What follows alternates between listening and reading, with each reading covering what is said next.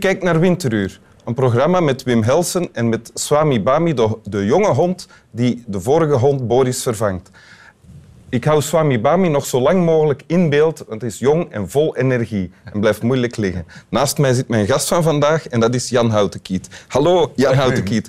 Welkom. Dank u. Ja, die heb ik ook nodig om hem eh, hier te houden. Je moet aflossen. Ja.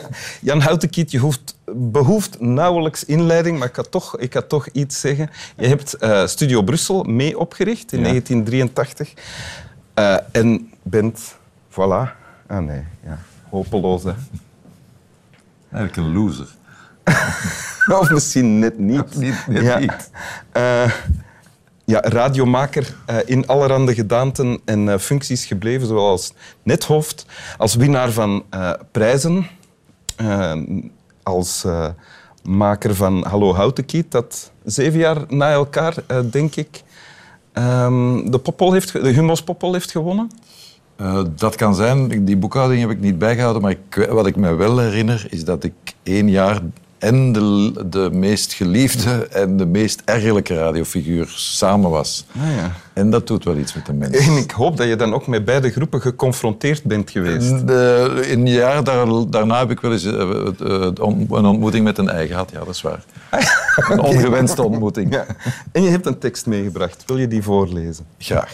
Ik wil daar één ding voor zeggen. Ik had liever dat de schrijver hem zelf eh, zou brengen, want die deed dat als geen ander. Maar goed. Ja.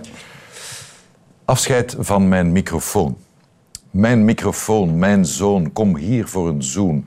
Jij gaat me overleven, niet voor even, maar ook daarna nog als je overgaat in andere handen. Hoe ga ik dat overleven? Mijn lege handen zonder banden met jou. Wat heb ik je vastgegrepen, opgevreden? Wat was je koel als van metaal, maar ook zo glad, zo goed omvingerd in mijn handen, zo zacht gelegen en gegleden, zo naar mijn mond gestuurd en voorgehouden, wachtend op mijn ademstoot, de start van ons minnespel. Lieve microfoon, fuik voor mijn fonemen. Ik heb van je gevreten, aan je gezeten, je uitgeperst en telkens weer een nieuwe voorraad woorden. Alleen voor jou, voor jou alleen, mijn mooiste woorden, één voor één aan jou gegeven. Jazeker heb ik me aan jou opgedrongen, je in bezit genomen, in dronkenschap bijna, zo bezield en bezeten. Oude Wouters, je klemt je vast, je neemt hem nog eens beet, maar het klamme zweet staat je in de handen. Nog is hij van jou, die makkelijke, moeilijke microfoon, want je bent er ook wel eens kwaad op geweest als hij zweeg, batterijen leeg, of nors deed, kraken, fluiten als jij wou flirten met hem en de verre vreemde luisteraar. Maar toch, ik kon hem niet missen. En in dit laatste uur, het uur van de waarheid, zou het een grote leugen zijn mij te horen zeggen: Hier, zie, neem maar, doe maar de graven. Ik heb mijn microfoontje niet meer nodig. Laat mij één ding, meneer de manager. Laat mij die funny phone, my microphone. I love you, baby. Lampje uit. Jan Wouters. Jan Wouters. Kan, hem, kan hem zelf niet meer voorlezen, deze tekst. Het is gestorven. Wie was Jan Wouters? Sportjournalist, eh, vooral voor radio.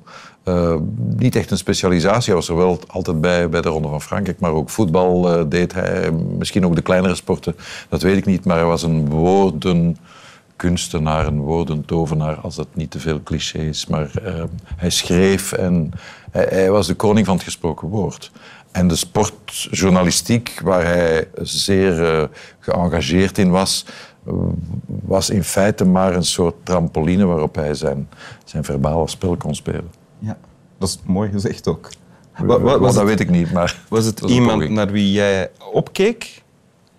Eh, dat heb ik pas eh, ten volle later beseft. Eh, maar hij was wel een, als je zijn stem hoorde op de radio, dat was wel een, gezagvolle stem. Je geloofde elk woord, Eh, je ging mee, hij nam je ook mee. Hij was iemand die, en misschien is dat wel heel moeilijk als sportjournalist, die en de, wat men dan tegenwoordig noemt, de beleving, echt het, het moment, het verslag brengen van wat je ziet gebeuren. En nadien een analyse maken van wat is er nu eigenlijk gebeurd. En dat dan nog tegen een maatschappelijk canvas zetten. En die drie, in die drie disciplines was hij, was hij echt een koning. En ik denk dat er niet enorm veel sportjournalisten zijn sorry collega's, die die drie disciplines zo beheersen. Of niet veel journalisten of verslaggevers toekoor die, die dat misschien... Allicht, Ja. ook dat. Ja. Ook dat. Ah, goed. En Jan Wouters heeft deze tekst geschreven die jij nu net hebt voorgelezen. Ja, Wat zegt hij hierin? Hij zegt, eh, je moet de context kennen. Hij was eh, in, eh, je hebt twee namen gehoord te zijn en die van De Graven. Dat was de CEO van de VRT toen, Bert De Graven. Ja. Die de, de, de VRT een beetje na het VTM-trauma bij de VRT terug, er terug moest boven, bovenop helpen. En er was toen in een decreet bepaald dat alle ambtenaren en de meeste journalisten waren ook statutair benoemd, dat die op hun 60 met pensioen moesten. En Jan Wouters was een van die ambtenaren die op zijn 60 met pensioen moest. En hij had echt geen zin om dat te doen, want hij was vergroeid met zijn vak. En wat hij hier vertelt is, ja, je zegt nu, meneer de manager, dat ik weg moet, maar laat mij dan toch dat ene object, mijn, mijn enige geliefde, die mij herinnert aan mijn vak. Laat mij die nog. Laat mij die nog, dat is het enige wat ik begint, de tekst begint met dat hij eigenlijk flirt met, de- met de microfoon.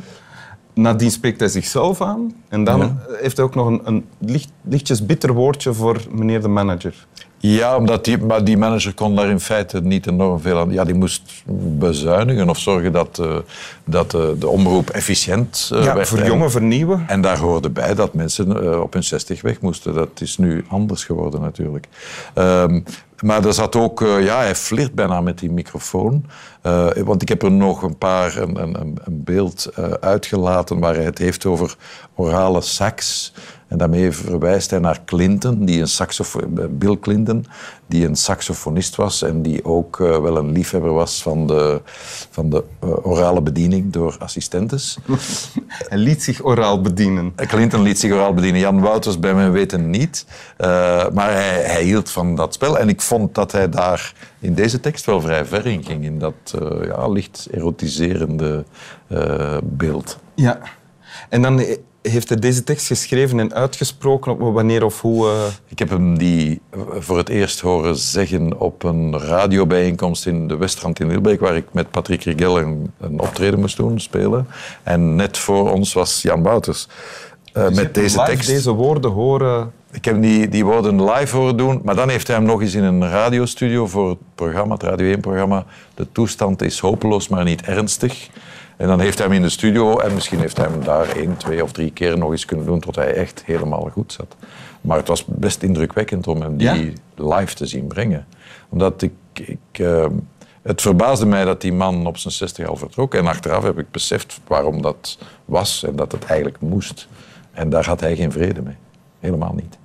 En dat was ook duidelijk dan. Wel, de moment dat, hij het bracht... Hij heeft toch geen het vertelde. gelegenheid... eh, hij heeft dat toen niet met die woorden gezegd, maar je haalt het uit de Ja, tekst. Je ja. moet het niet eh, allemaal te letterlijk zeggen. En hij heeft dat later... Hij heeft dan nog wel eh, enkele kampioenschappen mogen verslaan. Dus hij is wel actief, microactief of radioactief. Sorry voor de flauwe woordspeling. Het is u vergeven. Als je er zelf nu niet de aandacht had opgetrokken door er nog eens sorry voor te zeggen, dan was het al lang gepasseerd. Jij bent binnenkort ook na 40 jaar dienst eh, pensioengerechtigd, Ja. denk ik, bij de VRT. Dat is zo. Dus is dat een reden ook waarom je deze tekst kiest?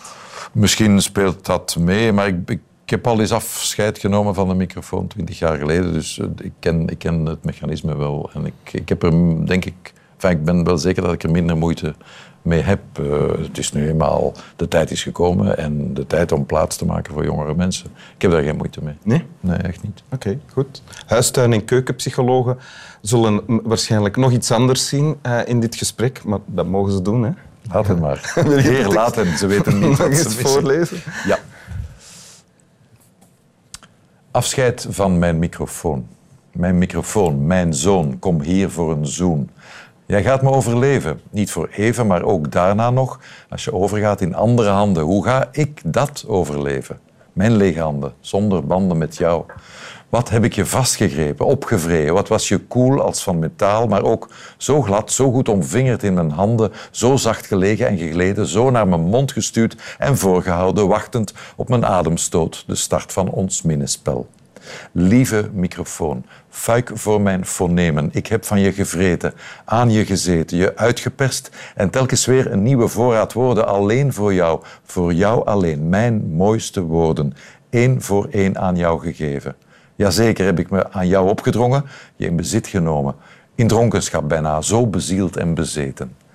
Oude Wouters, je klemt je vast, je neemt hem nog eens beet, maar het klamme zweet staat je in de handen. Nog is hij van jou die makkelijke, moeilijke microfoon, want je bent er ook wel eens kwaad op geweest als hij zweeg. Batterijen leeg, of nors deed, kraken, fluiten, als jij wou flirten met hem en de verre vreemde luisteraar. Maar toch, ik kon hem niet missen. En in dit laatste uur, het uur van de waarheid, zou het een grote leugen zijn mij te horen zeggen: Hier zie, neem maar, doe maar de graven. Ik heb mijn microfoontje niet meer nodig. Laat mij één ding, meneer de manager. Laat mij die funny phone, my microphone. I love you, baby. Lampje uit. Jan Wouters. Dank u. Graag gedaan. Slaap wel.